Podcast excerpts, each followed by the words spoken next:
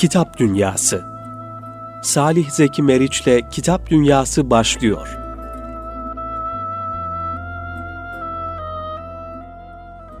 Kitap Dünyası programıyla tekrar karşınızdayız kıymetli Erkam Radyosu dinleyenleri. Hepinizi saygı, sevgi ve muhabbetle selamlıyoruz. Şu an bizleri yolda, arabasında, evinde, radyosu başına dinleyen bütün dinleyicilerimizi e, Kitap Dünyası e, programıyla tekrar selamlamış oluyoruz. E, kıymetli dinleyenler bu haftaki Kitap Dünyası programımızın konusu ve konuğu şu an stüdyomuzda birlikte e, olduğumuz İstanbul Milli Eğitim Müdür Yardımcısı Sayın Mustafa Uslu hocamızla birlikteyiz. Programımızda inşallah okuma kültürünü konuşacağız. Ee, zamanımız el verdiğince ve kıymetli Mustafa Uslu hocamızın kaleme almış olduğu birkaç kitabından da programımızın ikinci bölümünde bahsetmiş olacağız inşallah. Ben öncelikle konuğumuza Mustafa Uslu hocama e, hoş geldiniz demek istiyorum. Hoş bulduk Salih Bey. Ee, hocam programımız inşallah Kitap Dünyası ismiyle Erkam Radyosu stüdyolarında e, yapıyoruz. E, sizden önce de e, kıymetli hocalarımızı, yazarlarımızı bu programda ağırladık. Genel manada okumayı teşvik eden, kitap okumayı teşvik eden e, ve aynı zamanda bu manada örnek olabilecek hocalarımızı, kıymetli yazarlarımızı burada ağırlamış oluyoruz. Şimdi sizinle inşallah bu 50 dakika içerisinde e, okuma kültürüne dair biraz sohbet edelim arzu ediyoruz. Bu manada e, aynı zamanda sizin İstanbul Milli Eğitim Müdür Yardımcılığı sıfatınızla ilgili de ve bu manada Milli Eğitim Müdürlüğü olarak yapmış olduğunuz faaliyetlerden, okuma kültürüne dair faaliyetlerden e, örnekler sizden istirham edeceğiz. Ve programımızın ikinci bölümünde de sizin kaleme almış olduğunuz birkaç kitabınızı inşallah okuyucularımıza paylaşmış olacağız. Biraz arzu ederseniz sizin edebiyatçı kişiliğinizle ilgili konuşalım diye arzu ediyorum. Ancak ondan öncesinde şöyle önümde duran baki kalan bu kubbede bir hoş sada imiş unutulmaz mısralar isimli kitabınızın baş tarafında sizin kısa özgeçmişinizi dinleyicilerimize paylaşalım. Ondan sonra sohbetimize devam edelim. Mustafa Uslu, Uşak 1964. 9 Eylül Üniversitesi Eğitim Fakültesi Türk Dili ve Edebiyatı bölümünden 1988'de mezun oldu. Aynı yıl Milli Eğitim Bakanlığı'nda öğretmen olarak göreve başladı. Öğretmen ve yönetici olarak çeşitli liselerde görev yaptı. Bir süre özel okullarda çalıştıktan sonra yeniden Milli Eğitim Bakanlığı'ndaki görevine döndü. Ansiklopedik Türk Dili ve Edebiyatı Terimleri Sözlüğü başta olmak üzere edebiyat, inceleme, araştırma, biyografi alanlarında kitapları ve çeşitli dergilerde yayınlanmış yazıları bulunmaktadır. Tabi siz mütevazılık yapmışsınız hocam. Burada diğer kitaplarınızın isimlerini almamışsınız. Hali hazırda yayınlanmaya devam eden ve belki çeşitli sebeplerden dolayı da yayınlanması e, durdurulan veya sizin durdurduğunuz kitapları buraya almamışsınız. Onları da inşallah o dinleyicilerimize paylaşırız. Evet hocam. Edebiyata merakınız ne zaman başladı? Hangi yıllarda başladı? Nasıl başladı? Buradan başlayalım inşallah. Tabii profesyonel anlamda edebiyat merakı mutlaka e, son yıllarda başlamıştır ya da işte lise yıllarında başlamıştır. Üniversite yıllarında başlamıştır. Yani alanımız Türk Dili ve Edebiyatı evet. öğretmenliği ama e, yazmak anlamında edebiyatçı olmak anlamında daha sonraki yıllarda ortaya çıkan bir durum bu. Ama okuma alışkanlığı bakımından e, konuya yaklaşacak hı hı. olursak tabii çocukluk yıllarından ben buna başladım diye söyleyebilirim. Gönül rahatlığıyla söyleyebilirim. Halis muhlis köy çocuğuyuz biz. Evet. Hani şimdi e, yokluk ya da yoksulluk edebiyatı değil ama işte gazeteyi demir yolu boylarında işte yolcuların kullanıp attığı gazetelerden alıp okumaya başladık. E, köy okulumuzda belki çok fazla kitap yoktu.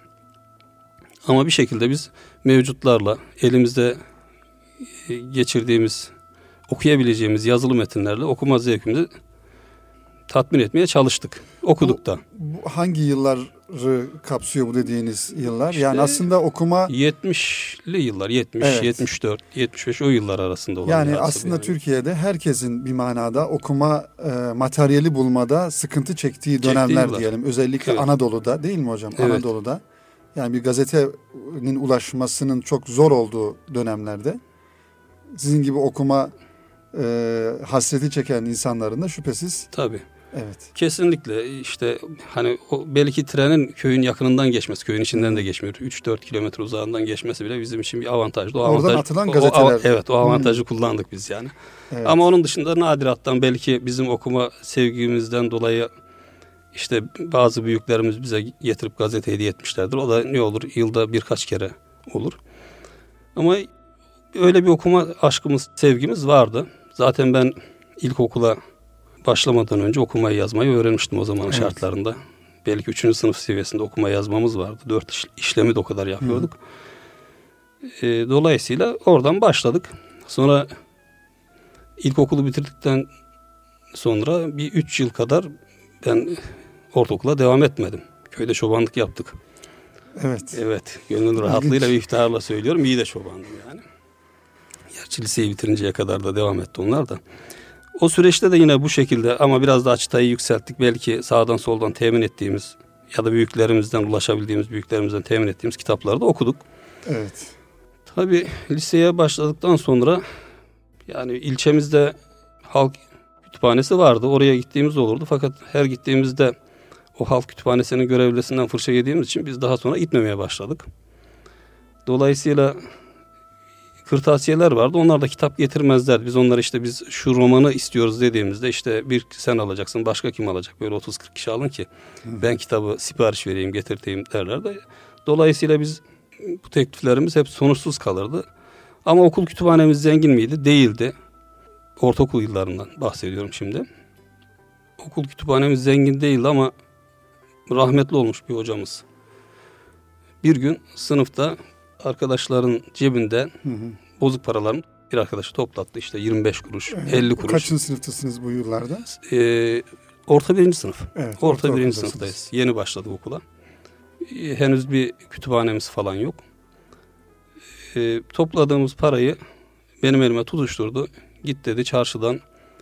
ee, yanlış hatırlamıyorsam Raif Cilasun'un Hı hı. Haram Lokmatlı romanını Evet. aldırdı. Ve ondan sonra dedi oğlum ilk kitabı sana veriyorum sen okuyacaksın sonra bütün sınıf bu kitabı okuyacak. Yani en iyi okudum dediğim kitap yani okumaya başladım hani ilkokulda okuduk ayrı mesele arada okuduk ama ilk ciddi anlamda okuduğum kitap Haram Lokmadır Raif Cilasun'un ve bu rahmetli hocamızın sayesinde olmuştur. Ondan sonra değişik kitaplarda okuduk. Hatta biz sınıfımızda bir küçük kütüphane falan da oluşturduk o dönemde. İyi de oldu. Fakat okul kütüphanemiz hiçbir zaman çok zengin değildi. Yani orada mevzuat kitapları olurdu. Büyük ansiklopediler olurdu. Meydanlarız falan. O şekilde yani. Ee, Biraz eğitimci yönünüz de var hocam. Ee, Yani eğitimci yönünüz var. Biraz da o konuda ben şöyle bir şey sormak istiyorum. Yine sizin geçmiş yıllarınıza dair. Yani her e, insanın özellikle okuma yazma noktasında merakı olan e, bu konuda çalışmalar yapan her insanın geçmişinde unutamadığı bir hocası kendisini okumaya yönlendiren belki az önce bahsetmiş olduğunuz hocanız mı yoksa başka biri mi sizi yani e, okumayla ilgili teşvik eden ve size bu manada yön gösteren gerek ortaokulda gerekse lisede e, böyle örnek model hocalarınız oldu mu ya da onlarla ilgili nasıl bir hatıraya sahipsiniz? Şimdi onun dışında lise yıllarına gelelim. Biraz kestirmeden geçip. Lisedeyken biraz daha bilinçli okumaya başladık. İşte ne, ne bileyim Mehmet Akif okuyorsunuz, Necip Fazıl okuyorsunuz. İşte şimdi isimlerini hatırlayamayacağım yazarların kitaplarını okuyorsunuz. Orada bizi teşvik eden en önemli şahıslardan birisi şu anda o emekli oldu. Öğretmenimiz vardı. Harun Karakuş. Kendisine selamlıyorum buradan. Ee, onun katkıları çok olmuştur. O yönlendirmiştir. Bir de okuldayken ilk ve son edebiyat öğretmenimiz, alanı Türk Dili ve Edebiyat olan öğretmenimiz gelmişti. Ömer Yaraşır. Şimdi akademisyen bir üniversitede. Onun da teşvikler oldu. Belki Türk Dili ve Edebiyatı bölümünü seçmemin e, yegane sebebi o olabilir. Ama okulda biz daha çok böyle e, kültür edebiyat kolu vardı. Orada çalıştık. Yani çalıştık derken orada görev aldık. Mesela bir duvar gazetesi çıkaramamıştık. Ona çok üzüldüm ben hala. Evet. Okul idaresi izin vermemişti. O dönem tabii sıkıntılı dönemler. Ee, belki o duvar gazetesini çalış, e, çıkarsaydık bazı işte, konularda daha ilerlemiş olacaktık. Oradan altyapı oluştu bizim de fakültedeyken biraz daha lise yıllarında çıkaramadığımız duvar gazetesini fakülte yıllarında çıkarttık sağ olsun 3-5 arkadaş ki onların çoğu da bugün kalem erbabı diyebilirim. Yani bizim okulda iki tane panomuz vardı. Birisini ben ek mahiyetinde çıkardım. Diğer arkadaşlar da yazıların diğer panoda çıkartırdı.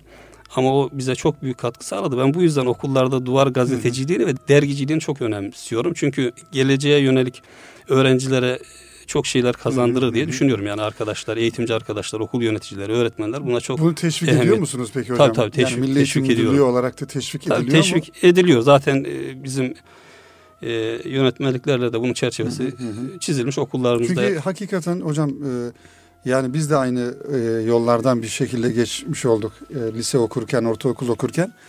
Herhalde e, sonradan ifade ettiğiniz gibi kalem erbabı olacak olan insanların ilk tabir yerindeyse tohumu o duvar gazetelerinde atılıyor. Yani orada sınıfın içerisinde yani ben de şimdi biraz hatıralarım canlandı. Ee, ortaokul ikinci sınıftayken duvar gazetesi çıkarıyorduk e, arkadaşlarla. Yani orada kendimize göre şiirlerimizi yayınlıyorduk. İşte kısa yazılarımızı yayınlıyorduk. Herkes kompozisyonlar yazılıyordu. Yani edebiyat hocalarımız bunları teşvik ediyordu şüphesiz. Evet çok güzel. Yani bu bu manada e, yani sizin Milli Eğitim Müdürlüğü olarak da e, okullarda bu tarz çalışmaları teşvik ediyorsunuz. Evet, bakanlık olarak da, Milli Eğitim evet. Müdürlüğü olarak da. Zaten hani okumaya teşvik eden bir yazarlar okullarda projemiz var. Onu az evet, sonra muhtemelen konuşacağız ama inşallah. yani ben e, okullarda e, öğrencilerin özellikle şiir, kompozisyon hani e, belki türde belirtilebilir makale Hı. yarışmaları, hikaye yarışmaları ya da duvar gazetelerinin, okul dergiciliğinin yaygın, yaygınlaştırılması taraftarıyım. Çünkü o hakikaten gelecek adına, altyapı oluşturma adına fevkalade bir önem taşıdığını düşünüyorum yani. Tabii hocam sadece bu e, yani illa okullarda diye sınırlamak belki çok da e, doğru olmaz. Bütün eğitim kurumları yani özel eğitim veya devlet e, okullarında her tarafta daha doğrusu yani genç e, öğrencilerin, genç neslin, e, genç arkadaşların olmuş olduğu ortamlarda yani rehberlik eden, rehberlik konumunda olan her kimse bu manada önünü açabilir e, yani genç kardeşlerimizin. Tabii tabii kesinlikle. Şimdi ben özel anlamda söylüyorum. Hani bir eğitim camiasından birisi olduğumuz için tabii öncelikle yeri eğitim kurumları bu evet. işin ama hı hı. evde de yapabilirsiniz. Aynı uygulamayı evde de yapabilirsiniz. Yani, yani evlerimizin Ev, duvar gazetesi Olur niye olmasın? Fevkalade güzel olur. Çocuklara görev verirsiniz. Evet. Ee, bir duvar gazetesi çıkartılabilir. Ben e, tavsiye ediyorum. Evet. Ve çocuklar için evet. fevkalade hem okuma hem yazma adına yani hem yazma da giriyor bakın burada devrede okumayı da geçtik. Evet. Yazma adına çocukların çok büyük kazanımlar elde edeceğini düşünüyorum ben. Ee, şimdi hocam Milli Eğitim Müdürlüğü olarak sizin e, yani okumaya ya dönük ya da okuma kültürüne dönük bir takım faaliyetleriniz var. Bunların bir kısmı geçtiğimiz yıllarda yapılıyordu, ee, bir kısmı devam ediyor. Ee, bildiğimiz kadarıyla bu devam eden e, projelerin e, içerisinde siz de bulunuyorsunuz. Mesela bunlardan bir tanesi İstanbul'daki okullarla ilgili Yazarlar Okullarda projesi. Bu projeyi biraz e, açabilir miyiz? Evet. Neler yapıyorsunuz bu konuda? Projeyi açalım. Proje geçmiş yıllarda Bağcılar'da pilot olarak uygulanmış bir projedir. O dönemde ilçe milli eğitim müdürümüz kendisini o bizim bir abimizdi Kadir Kuş rahmetli. Evet. Onun himayesinde ve öğretmen, Türkçe öğretmeni Yusuf Çopur kardeşimizin koordinasyonunda orada hakikaten çok güzel çalışmalar yapıldı. Daha sonra İl Milli Eğitim Müdürümüz Muammer Yıldız Bey İstanbul'a geldiğinde projeden haberdar oldu. Kendisi de tam bir okuma sevdalısı. Evet. Öyle ben olunca hemen bunu sevgiyle saygıyla selamlıyoruz evet. Muammer Yıldız Bey'i. Ee, kendileri hemen bu projeyi ile çekti ve il genelinde uygulanmasını sağladı. Hakikaten okullarımızda çok sayıda yazar öğrencilerimizle yani buluştu. Bağcılar'da başlaması aslında İstanbul'un genelinde yapılacak düşüncesiyle başlamamış. Tabii orada özel anlamda Orada hatta özel bunu anlamda. yapan arkadaş önce okulunda başlattı. Kendi Ben, ben okulunda. de yakinen tanıyorum. Evet yani Okulunda bir, başlattı. bir insanın kafasından Evet, çıkan evet, güzel bir proje evet. hakikaten ne kadar Evet. güzel neticeler aldırıyor. Ama yani özel anlamda belki bunu basının haberi yoktu ama birçok okulumuzda hem yani bu işe yönü olan öğretmen arkadaşlarımızın ya da idarecilerimizin yaptığı bir uygulamaydı ama Bağcılar'daki biraz dikkati nazara geldi. Basında yer aldı. Geliştirildi de iyi de oldu. İşte İstanbul genel derken Türkiye genelinde de lokal olarak illerde uygulanmaya başladı. Talepler geldi. Yani bak, bakanlık seviyesinde Bakanlıkta tabii bakanlık seviyesinde de Evet. işte il müdürümüz de iştirak etti. Ee, Kayseri'de, Eskişehir'de, Antep'te, Maraş'ta oralarda da bu tür uygulamalar yapıldı. Yani lokal olarak illerimizde Hocam, de bunu yapıyorlar zaten. e, yani teknik olarak nasıl olduğunu bir paylaşalım dilerseniz. Ya, teknik olarak şöyle yani bu yazarlar belirleniyor. Hı hı. Bizim İstanbul'da yaptığımız çalışma şuydu. Yazarlar belirleniyordu ve her ilçemize işte 39 ilçemiz var 78 yazar. Bir ilk öğretim seviyesinde, diğer de lise seviyesinde kura ile eşleştiriliyor. Sonra yıl boyunca işte duruma göre en az 4 etkinlik orada O yazarlarla yazarlarla öğrenciler e, Buluşuyor. buluşturuluyordu. Tabi yazarlar öğrencilerle buluşturulmadan önce öğrencilerimiz yazarların kitaplarını okuyorlar ve Hmm. o buluşmada yazara e, kitabın içeriğiyle ilgili, kitapla Evet. ilgili e, sorular Sorular. yöneltiyorlar. Karşılıklı bir fikir alışverişi Hmm. oluyordu. Sadece öyle işte yazarı görüp gitmek Aslında ya da kitabını hocam, imzalatmak mi? anlamında Yani değil. Evet öğrenciyi yani öğrenciye verdiğiniz hedeflerden bir tanesi de mesela diyelim ki işte ileride yazar ol diyorsunuz. Evet. Yazar olmasını istiyorsunuz bir manada. e, yani o çocuk ileride e, kendisi için olacağı her neyse işte kimse nasıl bir insan olacaksa onu bir şekilde okulda görmüş oluyor. Tabii Yani kes- yazar olacaksa. kesinlikle. Ya şimdi zaten benim şurada kanaatim şu. Orada yani yazar okula gitsin. Yani yazarın belki okula gitmeye ihtiyacı yok.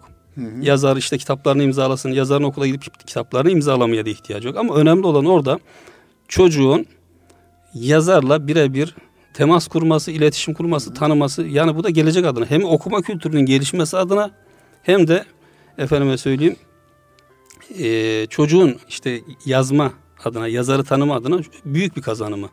E, mesela e, şimdi belki okuma kültürünün dışına çıkmamış olacağız. Doğru. Ben yine Evet. de anlatayım. Buyurun. Geçmiş yıllarda bizim bir kültür bölümümüz vardı. Orada çalışırken ben eee, okuma yarışmamız, kitap okuma yarışmamız vardı. Orada velileri de dahil ettik sürece. Bir e, dönem bu oldu ama sonra devam etmedi. Orada birçok öğretmen arkadaştan şöyle bir tenkit aldık. İşte bizim e, okulumuzda değil e, lise mezunu, ilkokul mezunu bile işte ya da ortaokul mezunu bile veli yok. Ben bu kitabı hangi veliye okutacağım? Yani çocuğuyla beraber benim orada arzum şu. Veli, anne ya da baba çocuğuyla beraber kitap okuyacak, yarışmaya da beraber girecek. Yani sembolik bir olay. Herkese bu şekilde kitap okutamayız ama Evet. bunun olacağını göstermek, vatandaşı teşvik etmek. Bak e, ailede işte anne baba çocuğuyla beraber kitap okuyor demek ve bunu toplum geneline yaymaktı. Tabii ben buna üzüldüm. Fakat benim aklıma da şu geldi. Bu anımı da anlatacağım. Buyurun. Anlatacağım. Ben ilk defa ciltli kitabı köyümde çobanlık yapan o zamanın değerinde rahmetli oldu o da tabii. 60 yaşlarında bir adamın torbasında gördüm. Ciltli kitabı ilk Hmm. defa orada görüyorum. Yanlış hatırlamıyorsam o kimyayı saadetti. Evet. Bu adam okumaya ilkokula gitmemiş, dağda ortaokul okumuş. Evet, dağda çobanlık yapıyordu. Çok Evet. enteresan yani. Evet. Fevkalade enteresan. İlk cilt kitabı onda gördüm ben. Hı. Kimyayı Saadet'ti. Ve adam çok okuyan bir kitaptı. Enteresan. Mesela sizi görse işte ona deyin ki ben coğrafya okuyorum. Coğrafya ile ilgili bir soru vardı. İşte en çok hangi derste başarılısın sen? Tarihte. Tarihle ilgili mutlaka sorular sormaya başlar. Kurtuluş yok. Öyle enteresan bir adamdı. Ee, şimdi, dolayısıyla yani ben tahsil ayrı bir olay. Evet. Yüksek öğrenim ayrı bir Doğru. olay. Yani adam dört tane fakülte bitirmiştir ama okuma alışkanlığı yoktur. O, Yani. Ama onun yanında belki okuma yazmayı sonradan öğrenmiş anneler tanıyorum ben. Yani yakın çevremde de var. Aile çevresinde de var. E, bütün o dönemde iyi romanları eline geçirdiği kitapları okuyordu. Kadın yani oturup hakikaten cayır cayır kitap okuyordu. Yani bunun ilkokul mezunu. Ya tahsille bir alakası, Alakası hocam. yok. Okuma Tabii. alışkanlığının ben tahsille alakası yok olduğunu düşünüyorum. O tecrübeyle de sabittir. Evet. Yani ne olur o tahsil yapmıştır, diploma almıştır ama okuma alışkanlığı çok farklı bir olay. Yani bir esnaf tanırsınız. Efendim adamın tahsili yoktur ama lakin iyi bir okuyucudur. Sohbetini dinle, dinle- dinlettirir bahseder, kendisini, evet. bahseder. Evet. Edebiyattan konuşur, tarihten konuşur. Okumuştur, dinlemiştir yani adam. Dolayısıyla Yani onların ruhlar yücelmiş insanlar hakikaten. Ee, yani okuma çok farklı bir olay. Onun için ben hani dinleyicilerimize şunu söylüyorum. İşte ben ilkokul mezunuyum ya da değilim, ortaokul mezunuyum. Yani ne okuyacağım olay değil. Artık kitaba çok kolay ulaşabiliyorsunuz. Hı hı. Yani e, sigaranın reklamını yapmayalım ama bir paket sigara parasına çok güzel kitaplar alabiliyorsunuz. Yani bunu hem vatandaş kendisi çoluk çocuğuyla beraber okuyabilir hı. hem e, diğer insanlara alıp hediye de edebilir. Yani kitap olayını biz toplumda yani hayatımızın bir parçası yapmalıyız ve e, önceliklerimiz arasına koymalıyız yani. Hocam bu e, yazarlar okullarda e, projesinin neticesi olarak e, gençlerimiz arasında yani özellikle okullarımızdaki gençlerimiz arasında okuma e, ile ilgili okuma alışkanlığıyla ilgili olumlu e, geri dönüşümler almışsınızdır şüphesiz. E tabi kesinlikle yani herkes memnun. Yani öğrenciler memnun. Öncelikle Hı. orada belki hani o prosedür getir götür yazara işte salon ayarlı. Yani külfet gibi gözüküyor ama orada Hı. önemli olan o gün o yazarla buluşan çocukların gözlerindeki ışıltı. Hı. Onların efendim sözleri, cümleleri, e, işte o ifadeleri ve kazanımlar bizim için önemli olan o. Evet. Ve bu da gerçekleşiyor diye düşünüyorum ben. İnşallah. Yani inşallah hocam yine e, böyle güzel projelerle e, Milli Eğitim Müdürlüğü güzel projelere imza atar ve okuma kültürüne dönük güzel faaliyetler yapar diye temenni ediyoruz. E, kıymetli hocam programımızın birinci bölümünün sonuna gelmiş bulunuyoruz inşallah. Kıymetli dinleyenlerimiz Kitap Dünyası programında İstanbul Milli Eğitim Müdür Yardımcısı Sayın Mustafa Uslu hocamızla birlikte okuma kültürü üzerine konuşuyoruz. İkinci bölümde tekrar buluşmak üzere efendim.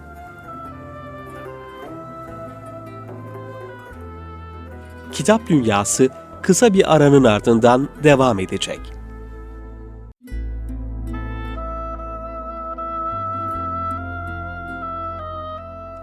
Erkam Radyo'da Salih Zeki Meriç'le Kitap Dünyası devam ediyor.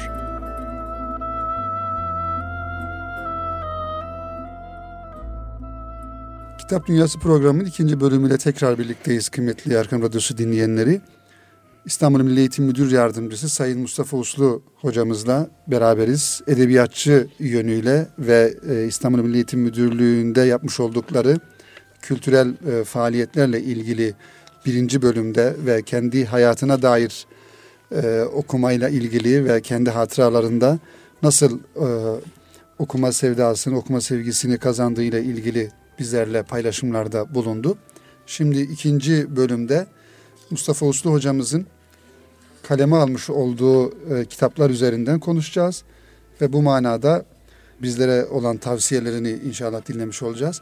Şimdi hocam sizin yayınlanmış olan Yağmur yayınlarından üç tane kitabınız var. Evet. Birincisi Unutulmaz Mısralar. Hakikaten edebiyatımızda, şiirimizde unutulmayacak derecede e, çok güzel mısralar var. Ben kitabınızı öyle rastgele açtım. Aziz Mahmut Hüdayi diye bir bölüm çıktı hocam. Yani olmuş. şöyle bir dinleyicilerimizle burada bir dörtlük de paylaşmış olalım müsaade ederseniz. Fikrinden dünya gitmez mi? Hak kelamın işitmez mi? Ölenler ibret yetmez mi? Nice olur halin ey gafil diye herhalde bu Hüdaya Hazretlerinin mısralarından bir e, buket olmuş oldu. Şimdi bu e, bu kitabınız var. E, ikincisi Safahat'tan Seçmeler diye bir kitabınız var. Bu da Yağmur yayınlarında Yağmur'dan yayınlandı çıktı, hocam. Bir de biyografinizde de okuduk başta. Ansiklopedik Türk Dili ve Edebiyatı Terimleri Sözlüğü. Bu da Yağmur yayınlarından e, yayınlanan kitaplarınızdan. Bu tabi e, şu an önümüzde unutulmaz mısralar var. Öbür kitapları da inşallah daha sonra e, tedarik etmiş oluruz. Kıymetli dinleyicilerimiz de Yağmur yayınlarından bu kitapları isteyebilirler. E, biz unutulmaz mısralara değinerek başlamış olalım. Sonra sizin Safahat'tan seçmeler ve diğer e, edebiyat terimleri sözlüğü kitabınıza da değinmiş olacağız. Bu unutulmaz mısraları hocam ne zaman yazmaya başladınız? Ne zaman kaleme aldınız? Ve biraz muhtevasını dinleyelim inşallah. Şimdi tabii özel anlamda bunu oturup yazmadık biz. Evet. Her edebiyat meraklısının bir ajandası vardır hmm. yoksa da olmalıdır diyorum ben. Evet. Böyle hoşunuza giden sözleri veya hoşunuza giden beyitleri, mısraları, dörtlükleri hatta şiiri oraya not alabilirsiniz. Öğrencilerime de yıllar boyunca Evet. bunu ben e, önermişimdir, tavsiye etmişimdir. Şimdi mısralar, unutulmaz mısralar da böyle ortaya çıktı. Yani sizin bunlar e, yıllar içerisinde damıtılmış böyle süzgeçten geçirilmiş notlarınızın içerisinden öyle mi derlenmiş oldu? Bir yönüyle öyle oldu. Hmm, Bir yönüyle evet. öyle oldu. Çünkü Ya büyük emek var o zaman. yani olabilir. Evet. Çok fazla emek Yani var ben öyle ama söyleyeyim en azından hocam. Siz Evet. mütevazilikten e, olabilir. söyleyemiyorsunuz. Hakikaten büyük emek var. Şimdi bu çalışma öyle ele gelir vaziyete gelince dolayısıyla bunu okuyucuların hele hele şiir severlerin hizmetine sunmak istedik. Niye? Hı hı. Bir ipucu olsun. Hani e, çevremizde vardır mutlaka. Herkes şiir yazar ama şair olamaz o ayrı mesele. Herkes şiir yazar. İşte buradaki mısralar, buradaki beyitler, buradaki dörtlükler, bentler ya da işte şiir parçaları e, o insanlar için, şiir severler için bir ipucu olsun. Yani bir elini tutsun istiyoruz bu buradaki işte beyitlerin, mısraların, e, dörtlüklerin. E, çünkü bunlar hakikaten şiirin özü diyebileceğim. Yani bu, şu kitapta yer alan e, beyitler, mısralar, dörtlükler şiirlerimizin özü. Hatta Koca Ragıp Paşa'nın bir mısrağı var. Hı hı. Eğer diyor maksut eserse mısra-ı berceste yeter. Kafi, kafidir, kafidir. Eğer diyor eser maksat eser vermekse bir e, berceste mısra nedir? İşte berceste nedir? Berceste mısrada işte bağımsız e, an- anlamında Hı hı. e, Farsçadan dilimize geçmiş. Özellikle divan edebiyatında kolayca hatırlanabilen ve söylenen ancak anlam bakımından oldukça derin ve güçlü mısralardır. Tek mısra halinde olanlara efendime söyleyeyim e, azade mısra ya da mıs azade Hı hı. hı. diyoruz. Ya da Berceste- dörtlük şek- şeklinde de olanlar var. Evet, diyoruz. Mesela La Edri söyleyeni belli olmayan bir e, mısramız var. Şükrü nimet dahi bir nimettir diyor yani. Şükredebilmek de bir hı. nimettir diyor. Çok güzel. Bunlar hani ilk söyleyişte sehli mümteni de diyorlar. Çok basit ibareler gibi gözüküyor ama anlam olarak hı hı. hakikaten oldukça derin. Bunları siz sözler. o, okuduklarınızdan mı e, not alarak derlemiş oldunuz yoksa dinlediklerinizden mi? Yani veya her ikisi mi? E, çoğunlukla okuduklarımızdan. tabii. Okuduklarınızdan hakikaten. Ama ha, duyup da not alıp da işte ka- kaynağı nedir, kime aittir diye araştırıp bulduklarımız Hı da vardır hı. tabii. Genellikle hikemi beyitler var, hikemi Öyle, dörtlükler evet. var. Zaten hocam e, kitabınızın içindekiler bölümüne baktığımızda e, birinci bölüm divan edeb- edebiyatıyla Evet. ilgili şairler var. Mesela Ahmedi var, Şeyhi var, Avni var. Yani Fatih Sultan Mehmet Fatih Sultan. Avni mahlasıyla yazıyordu e, malumlar üzere. Yavuz Sultan Selim var, Selimi diye. Adli var. Bunlar böyle divan edebiyatı edebiyatıyla alakalı e, sizin almış olduğunuz şairler. Sonra tasavvuf edebiyatı var. Evet, dört bölümde Evet. yer alıyor. Hocam kitabımız. biraz içinden içeriden bahsedin dinleyelim sizi ve e, ondan sonra da şöyle denk gele bir sayfa açıp bize birkaç oradan mısra okuyun inşallah. Evet, inşallah. Şimdi e, yani anlaşılır olması açısından biz dört bölümüne ayırdık bu derlemeyi. Divan edebiyatıyla başladık. Orada divan edebiyatımızın şairden yani rastladıklarımızın daha Hı hı. tabii güzel mısralar, beyitler bundan başka yoktur anlamında değil. Vardır elbette ama biz rastladıklarımızı aldık. Onun akabinde tasavvuf edebiyatından yine beyitler, mısralar aldık. E, halk edebiyatı, daha sonra da Tanzimat sonrası Türk edebiyatı var ki işte bunun içinde Servet Fünun, Tanzimat edebiyatı, Fecraat edebiyatı ve Cumhuriyet dönemi edebiyatı var. O dönemdeki şair yazarlarım, şairlerimizin öncelikle şairlerimizin şiirlerinin içerisinde böyle biraz burada tabii kişisel tercih önemli. Yani çok beğendiğim, çok hoşuma giden işte burada şöyle bir anlam derinliği vardı. Tabii şiirin tamamı e, anlam derinliğine sahiptir ama onlar çıkardık. Yani benim buradaki yegane amacım yani o şiir severlerdeki şiir zevkine daha çok katkıda bulunmak işte daha sağlam beyitlerle mısralarla yola çıkmasına e, vesile olmak yani bütün amacımız e, buydu. Yani kısmen bunda da başarılı olduk mu bilmiyorum ben. Evet. Tabii olumlu dönüşler oluyor. E, ilgililer, okuyanlar, ulaşanlar çok beğendiklerini söylüyorlar kitabı. O şekilde yani. Evet hocam. Şimdi ben açayım isterseniz şöyle rastgele bir Rastgele açalım? Ee, evet. Yani yine güzel bir bölüm. Alvarlı Efe Hazretleri Tevafuk sayfası çıktı hocam. İsterseniz ben şöyle kitabı size uzatayım. Ben mi okuyayım? Buradan Alvarlı Efe Hazretlerinden birkaç e, İsterseniz siz, ok- siz yo, okuyun ben siz buyurun ben de Cahit Zarifoğlu'ndan okuyayım. Öyle mi? Ben rastgele çekmeyeyim yani. Peki, peki. Ee, Alvarlı Efe Hazretleri 1868'de Hasankale'de, Erzurum Hasankale'de dünyaya gelmiş. 1956'da Alvar köyüne vefat etmiştir. Kısaca bir biyografisini Evet, anlatmışsınız yazarlar, hocam şairlerimizin kısa kısa biyografileri de var yani. Hı hı, Bilelim hangi dönemde, e, nerede, ne Evet. şekilde yaşamış diye. Şöyle e, Türkçe, Arapça, Farsça tasavvufi şiirler yazmıştır Alvar Efe Hazretleri. E, Mevla bizi affede, bayram o bayram olur. Cürmü hatalar gide, gör ne güzel id olur. İd Bayram. Bayram manasında evet. Sonra aşağılardan bakıyorum hocam burada daha kolay okuy- okuyabileceğimiz. Bilirsin haram helali, bilirsin sevap vebali, aman olma laubali, terk eyle boş kıylu kali. Evet. Haram ile helali ayırt et. İyiliği, kötülüğü, sevabı, günahı iyi bil. Sakın saygısız, pervasız, ciddiyetsiz olma. Boş sözleri terk et. Bu da günümüz Türkçesine olan ifadesi. Evet hocam Cahit Zarifoğlu demiştiniz. Şimdi e, rahmetli Cahit Zarifoğlu'nun çok güzel bir şiiri var. E, Böyle ol, böyle söyle diye. Evet. Burada hızımızı alamadık. Şiirin tamamını kitaba koyduk yani. Hepsini dinleyebiliriz Evet, hocam sizden. evet. Ee, Allah'ım yol boyunca bırakma elimi, düşerim sonra. Allah'ım niçin halk ettinse beni, kalbime söyle iyice, engellerden arınsın yolum. Allah'ım nasıl pırıl pırılsa, güzelse sevdiğin kulların, öyle güzel kıl beni. Allah'ım o güzeller güzeli, hangi iyilik diledi senden, dilerim ben de senden öylelerini. Allah'ım Peygamber Efendimiz hangi şerlerden sığındıysa sana upuzak tut benden de onları. Allah'ım yol boyunca, tarih boyunca başıboş bırakma bizi.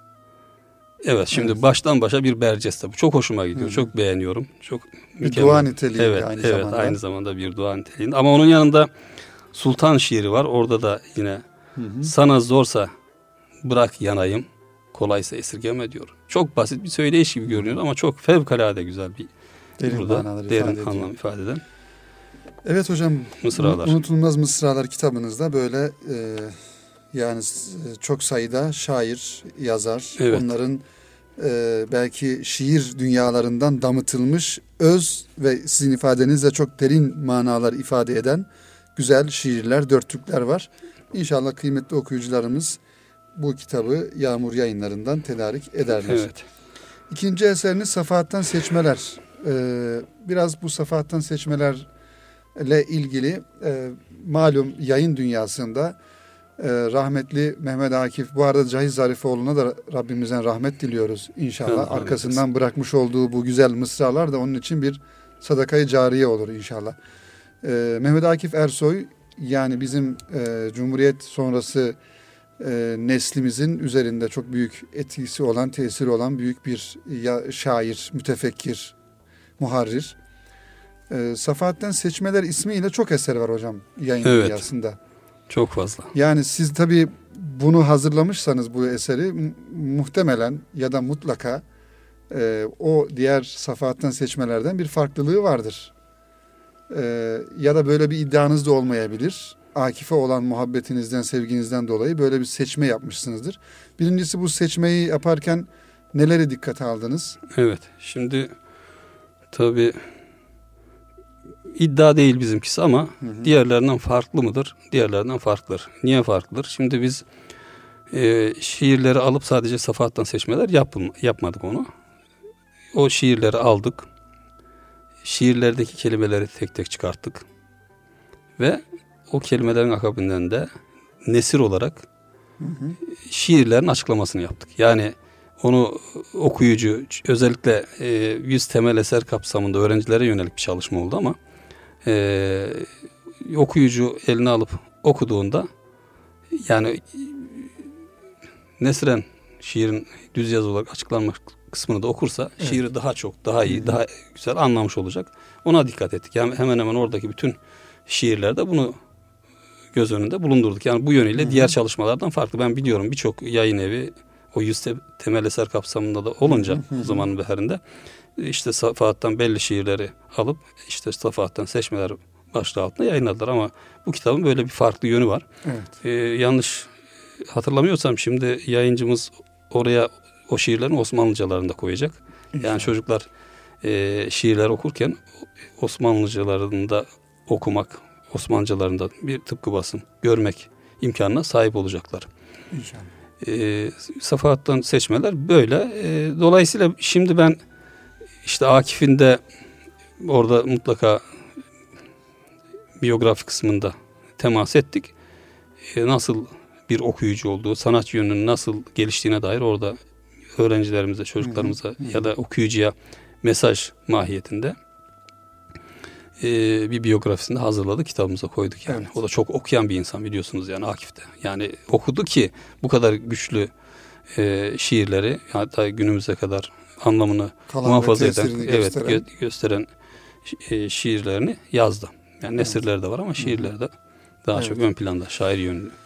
Bir de yine üçüncü eseriniz burada e, notlarımızın arasında Ansiklopedik Türk Dili ve Edebiyatı Terimleri Sözlüğü.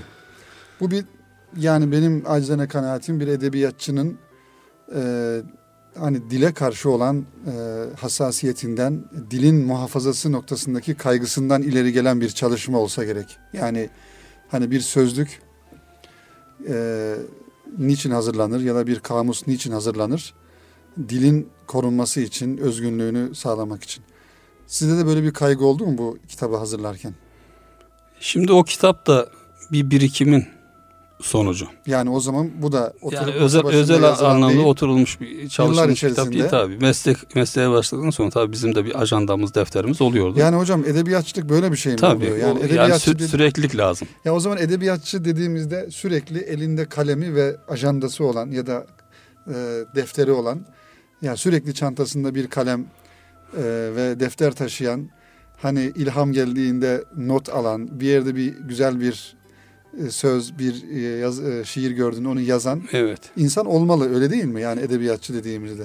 Evet yani onu bir nevi çanta gibi algılayalım Hı biz şeyi. Hani gü- güzel kıymetli bir e, cevher buluyorsunuz onu çantanıza koyuyorsunuz. Atıyorsunuz bir zaman sonra. Ama onun yanında şu da var yani bir- biraz espri olsun diye söyleyelim. Mesela Buyurun. kendim olur bazen tembellik yaparız. Çok güzel bir cümle aklınıza gelir. Yani belki bir şiire giriş olabilecek bir cümle.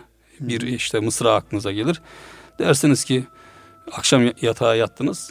Bu aklınıza gelir. Yani uzansanız yazsanız bir yere kalıcı olacak. Ama ha ben bunu sabahleyin hatırlayabilirim. diyorsunuz. Konu şu diyorsunuz ama unutup gidiyorsunuz. Evet. Ya- Yazsanız kalıcı olacak. Yani Evet. işte oturup bir anda belki bir bütün eseri meydana Bu getiremezsiniz. ilham oluyor değil mi? İlham oluyor. Herhalde İlham. ilham, dedikleri şey o olsa ilham, gerek. ilham perisi diyorlar ya. Evet. işte ilham artık nasıl bir şeyse demek ki bunu şairler daha da iyi bilir. O anda bir yani kalbe doğan bir şey. Yani malum hani e, Cenab-ı Hak peygamberlere vahiy e, indiriyor. Vahiy yoluyla ayet kelimeleri indiriyor ama e, diğer kullarına da kalbine ilham vererek bir takım e, işte varidatlar oluşturmuş oluyor.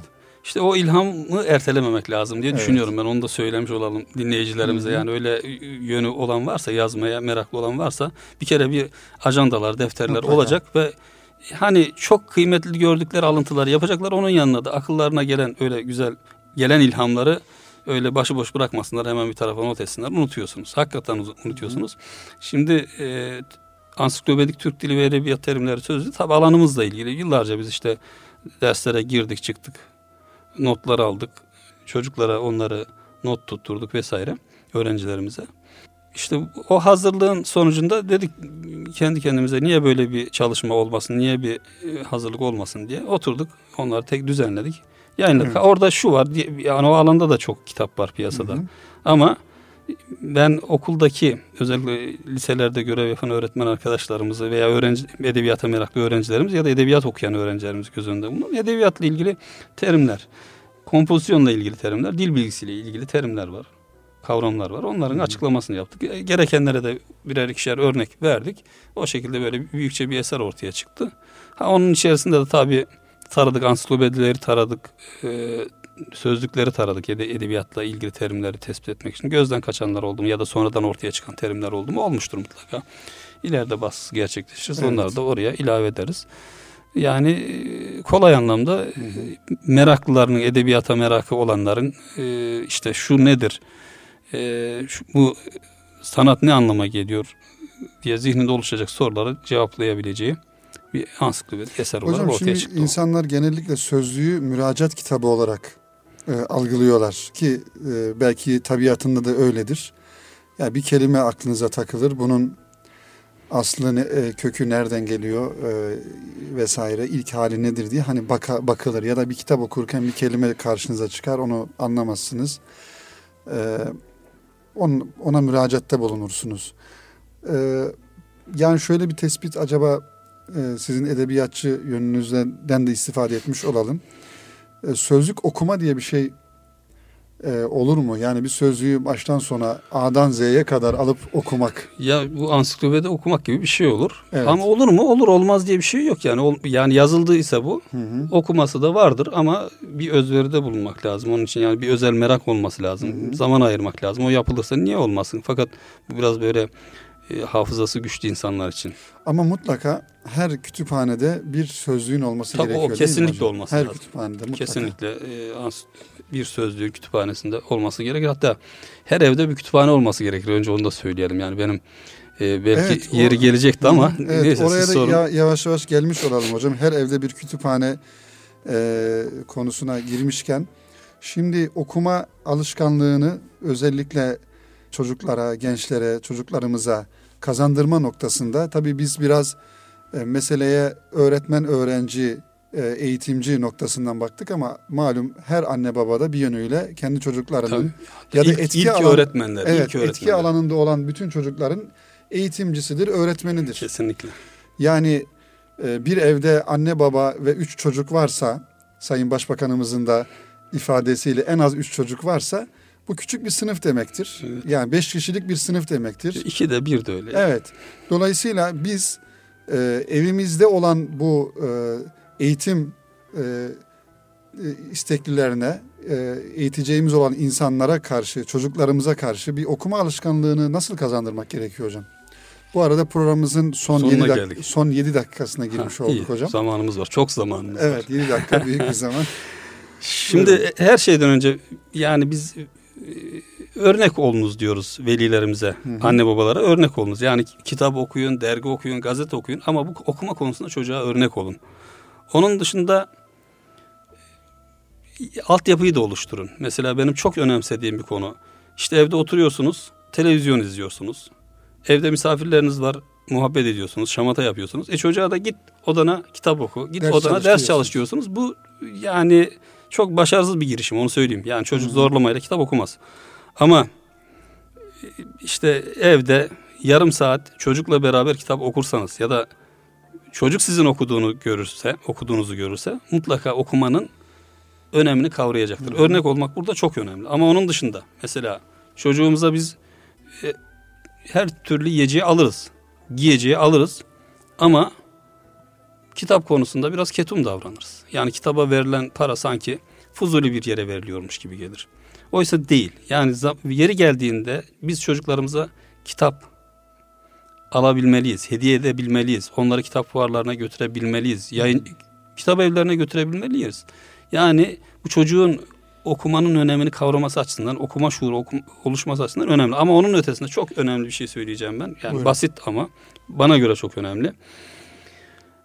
Her evde bir kütüphane olmalı. İşte kocaman kocaman ciltli kitaplar olmasına gerek yok. Hatta minik bir kütüphane olsun. Mesela ilkokul ikinci sınıfta çocuk ok- çok rahat okuyabilir. Üçüncü sınıfta çok rahat okuyabilir. Hatta o kütüphaneyi kendisi oluştursun. Biz sadece alalım ahşap kısmını. Diyelim ki bu kızım senin kütüphanen, oğlum bu senin kütüphanen. Diyelim çocuk o kütüphane, kitap da hediye edelim. Onun kütüphanesi. Çocuk kitap alacaktır. Kitaba ilgi duyacaktır. Okumaya merak saracaktır. Okusun ne olacak yani? Çok masraflı bir külfetli iş değil. Değil, evet. Dolayısıyla hani ben kendi çocuklarımdan biliyorum. Biz az çok hani çok okumasak da az okuyan bir ailede değiliz. Bir yönüyle kitap okuyoruz. Mesela üniversite öğrencisi kızım var benim. Tam bir kitap kurdu. Şu anda Maşallah. kaliteli olarak yayınlanan hemen hemen her popüler kitabı okuyor. Evet. Ben ona takılırım bazen. Senin kadar kitap okusam şimdiye ben çok profesör ya da ordinaryüs olurdum diye. E nasıl başladı? Belki Evet. çok bilinçli başlamadık biz ama hem anne bu konuda hakikaten fevkalade emek sarf etti. Evet. Biz onu daha iki, iki buçuk üç yaşındayken işte küçük e, o çizgili resimli Hı hı. hikaye kitapları, masal kitapları alıyorduk. Okuyorduk. E bir bakıyorsunuz iki, iki defa okuyorsunuz. Üçüncüde çocuk açıyor resimleri bakıyor. Aynı sizin anlattığınızı okuduğunuzu size anlatıyor yani. Okuma yazma bilmediği Ama kitaba halde. da bir ilgi o- oluşuyor ve benim kitabım diyor. Yani üzerine işte kendi ilerleyen zamanda kendi ismini yazıyor. Onlar özel olarak başka bir yerde saklıyor vesaire. Bir Biz o kütüphaneyi de yaptık. Onun için söylüyorum. Kütüphanesine onu diziyor, koyuyor falan. Çocukta okuma zevki oluşuyor. E sonra onun semeresini biz daha sonra aldık. Fevkalade bir okumayı seven bir e, çocuğumuz oldu. Gerçi oğlum da sağ olsun o da iyi bir Evet. okuyucu yani. Erkek çocuklar pek okumazlar denir ama o da Evet. iyi bir okuyucu yani öyle merak ettiği, ilgisini çeken kitabı fevkalade okuyor. Yani bu çocuk altyapıyı oluşturduktan sonra çocuk inkar etmez. Örnek olduktan sonra çocuk inkar etmez. Yani ne nasıl ol- görüyorsa olu- oluyorsa çocuk da öyle olacaktır. Gördüğün olacaktır. Ya yaşanan olacaktır. Yani bu çok önemli. Ya Anne babalara bir mesaj. Evet, evet, anne baba ve çocuklarla beraber ev içerisinde okuma programları, faaliyetleri Evet. düzenlemek gerekiyor. Kesinlikle. Kesinlikle. Hele günümüz için bu geçerli. Yani çeldiriciler var. Eskiden işte çocuk anne babası belki okuma yazma bilmiyordu ama ona bir şekilde bir öğretmeni çevresinden birisi okuma aşkını, şevkini veriyordu çocuğa. İşte ilgi ilgisini uyandırıyordu. Ama şimdi öyle değil artık. Bir sürü e, işte e, okumayı engelleyecek faktörler var mı? Var. Ama eğer çocuk ailede okumanın e, önemini ortaya koyan hareketler, uygulamalar görürse o sever. O kitabı da sever, okumayı da Evet. sever. Niye sevmesin yani? Yani okumayı da aynı zamanda büyük bir saygı içerisinde hocam gerçekleştirmek gerekiyor. Kesinlikle. Programımızdan programımız başlamadan önce de sizinle sohbet ederken zamanımızda yani bizim belki bu bize has olan bir şey. Hani insanlar niçin kitap okurlar diye bir sıralama yaptığımızda onların içerisinden bir tanesi de insanlar uyumak için. Yani uyku- Ha, evet evet. yani belki bu çok yani dinleyicilerimizi bu manada tenzih ederiz e, şüphesiz ama böyle bir e, yani kitapla ilgili ben şöyle bir anekdot paylaşmak istiyorum. E, Nuri Pakdil e, malum Türkiye'mizde çok belki insan tarafından bilinmeyen ama edebiyatçılar, e, edebiyata meraklı olan insanlar tarafından bir zamanlar edebiyat dergisini çıkaran ve belli bir nesil üzerinde etki eden e, düşünürlerimizden bir tanesi. Kendisi hayatta. Onunla ilgili şöyle bir şey e, duymuştum hocam. Yani Nuri Pakdil Bey kitap okumadan önce ya çok böyle tabir yerindeyse hani kutsal bir iş yapacakmış gibi hazırlık yapar. Yani güzel belki de güzel kıyafetlerini giyinir. Yani masasına güzel bir şekilde oturur ve önüne kitabını açar. Ya böyle bir saygı edası içerisinde okurmuş diye anlatmıştı bir arkadaş. Belki bu çok zor bir şey ama herhalde hani kitabı böyle ta, yani hep öyle algılanır ya tatilde kitap oku denilir mesela. Yani tatil yani kitap Ya boy- tatilden başka zamanda okunmaz. ya veya ne zaman kitap okumak lazım? İşte boş zamanlarında kitap Evet. oku. Ya boş zamanlarında kitap oku ifadesi yanlış bir ifade öyle değil mi? Yani kitap için boş zaman Evet. aramak gerekiyor bu sefer ya da tatile giderken ya da e, akşam yatarken Uyku saatinde. uyku saatinde okuyup zaten kitap okuduğumuzda uykumuz gelmiş oluyor. Dolayısıyla ya bunun için okumak okumamak lazım herhalde. Yani uyku ilacı olarak mı kullanıyoruz diyorsun kitapları? Evet. Evet. Maalesef o da var ama e, tabii genellememek lazım. Ama böyle alışkanlıklar olan da biraz vazgeçse daha iyi olur. Yani en azından onu ok- otursun koltukta efendim e, masada sandalyede nerede okursa okusun da uykusu gelince yine kitabını kapatıp Güzel bir yani yatsın. önemli bir eylem, önemli bir fiil yapma şuuruyla yani O tabii okuma eylemine verilen Evet. önem, okuma Evet. fiiline verilen e- önem diye düşünüyorum ben. Evet hocam. Hocam programımızın sonuna geldik. Yani henüz daha konuşacağımız şeyler vardı. Sizin önünüzde notlarınız da var. Belki son olarak kısaca şöyle bir iki dakika içerisinde Milli Eğitim e, Müdürlüğü bünyesinde sizin çıkarmış olduğunuz bir dergi var. Evet. E, önünüzde de bir nüshası var. E, ondan kısaca bir bahsedebilirseniz dinleyicilerimize. Belki bu hani parayla satılmıyor. Evet. Gerçi e, Milli Eğitim Müdürlüğü'nün bünyesinde çıkan İstanbul isimli bir dergi. Bunun editörlüğünü, yayın sorumluluğunu siz yapıyorsunuz bildiğim kadar. Evet biz e, doğru İstanbul İl Milli Eğitim Müdürlüğü olarak İstanbul Eğitim ve Kültür Dergisi diye bir dergi çıkartıyoruz. Evet.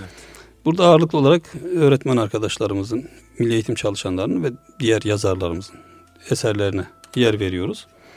E, hatta bu derginin 6. sayısını biz tamamen okuma kültürüne ayırdık. Özel bir Hı. sayıydı işte 120 sayfalık bir sayı. Evet, Cumhurbaşkanımızla da bir e, mülakat mı olmuştu? Yoksa evet, önceki sayıda? Onunla ilgili, Evet. onun da o Türkiye Okuyor kampanyası ile Hı hı. ilgili haberler, yazılar vardı. Hemen hemen çok değerli insanların, çok e, kıymetli yazarlarımızın, öğretmenlerimizin yazıları var içerisinde. Hepsi okuma kültürüne yönelik. Hatta okuma kültürü e, dersinin burada programı da var. Ders programı da var. Hı hı. Okuma kültürüne yaptığımız e, etkinliklerle ilgili efendim çeşitli etkinlik haberlerimiz de var. Yani okuma kültürü merak edenler internet üzerinde var. Adresi Ee, verelim hocam, internet adresimiz. İstanbul Map.gov.tr'de girerse orada Milli e- e-dergi kısmında e, bu dergi dergimizin bu sayısına rahatla son iki sayıya Evet, Milli ulaşıyorlar Eğitim- onda. İstanbul Milli Eğitim Tabii. Müdürlüğü'nün e, internet sitesinde e-dergi bölümünde bu derginin muhtevasını kıymetli dinleyenlerimiz ulaşabilirler inşallah. Evet hocam son olarak o e, dinleyicilerimize Son olarak şunu söyleyelim. Biz e, yaratan Rabbinin adıyla oku der kitabımızda. Yani bu medeniyetin mensuplarıyız. evet E, Voltaire diyor ki okumak ruhu yüceltir. Hacı Bektaş Veli'nin de bir sözü var. Okunacak en büyük kitap insandır diye. Hı hı. Dolayısıyla bunların hepsi birbirini tamamlıyor. Yani okumak hakikaten insanı yüceltir. E, dolayısıyla ben dinleyicilerimize tahsil durumu ne olursa olsun işte e, okuma yazma biliyorsa bir vatandaş çok rahatlıkla ki- kitap okuyabilir ve bunu hayatımızın bir parçası haline getirmeliyiz diye düşünüyorum. Artık bir yaşam parçası, hayat parçası olmalı. Önceliklerimizin Önceliklerimizin arasına arasında ol- koymalıyız olması lazım kitap okumanın, kitabın. Yani her şeye para buluyorsa kitaba da para bulmalıyız. Mesela Erasmus'a atfedilen bir söz var. Hı hı. Biraz param olursa kitap alırım. Eğer artarsa yiyecek ve giyecek alırım diyor. Bizim de tam tersi. Biraz paramız olursa yiyecek ve giyecek alırız. Biraz daha paramız olursa başka şeyler alırız. Kitaba sıra gelmez. gelmiyor. Gelmez. İşte o sıra gelsin hatta kitap ön tarafa doğru gelmeye başlasın artık. İnşallah. Yani bu bizim bu- bütün bu projelerimiz, çalışmalarımız, konuşmalarımız artık İnşallah. yani kitaba çok rahat ulaşabiliyorsun. Şu kitap çok pahalı da değil artık Değil, günümüzde. Evet. Çok rahat. Evet. Eskiden el yazmalarıyla Evet. çoğaltılıyormuş. Şimdi her tarafta her türlü her şekilde kitap ulaşabiliyoruz. Yani şöyle bir şey var son onu da söyleyeyim. Buyur. Hani giyeceğe, yiyeceğe ya da başka ihtiyaçlarımızı karşılayacak maddelere para verdiğimiz zaman boşa gitmeyecek. Ama kitaba para verirsek boşa gidecek anlamında. Ee, bir düşünce var. Nereden nasıl oluştuysa o yanılgı. İşte onu bertaraf etmek lazım. Yani okumak bizim hayatımızın bir parçası olmalı. Kitap hayatımızın bir parçası olmalı. Biz bunu çocuklarımıza, gelecek kuşaklara da aktarmalıyız. Yani diğer ülkeler bizden bir iki adım öndeyse bizim bir eksikliğimiz var. Belki bir yönümüzde. O eksikliğin de giderilmesi lazım. Yoksa bizi kimse tutamaz. Eyvallah hocam. Peki hocam çok teşekkür ediyoruz. Ben de çok teşekkür ediyorum. Erkam Radyo'nun çok kıymetli seyircilerini selamlıyorum. İnşallah. İnşallah Çok hocam. sağ olun, var olun. Ee, siz de sağ olun. Çalışmalarınıza başarılar diliyorum. Çok sağ olun hocam. Kıymetli zamanınızı ayırdınız, geldiniz. Ee, inşallah daha sonraki programda tekrar e, konuşamadığımız konular var. Daha detaylı konular var. Onları inşallah dinleyicilerimize paylaşmış oluruz. Kıymetli Erkam Radyosu dinleyenleri e, bu haftaki Kitap Dünyası programının da sonuna gelmiş bulunuyoruz. E, Milli Eğitim Müdürü Yardımcısı Sayın Mustafa Uslu hocamızla beraber okuma kültürü üzerine bir konuşmamız oldu ve kendisinin kaleme almış olduğu Unutulmaz Mısralar kitabı ve diğer kitaplarını kısaca konuşmuş olduk. Bir sonraki programda buluşmayı ümit ediyor. Hepinizi Allah'a emanet ediyoruz efendim.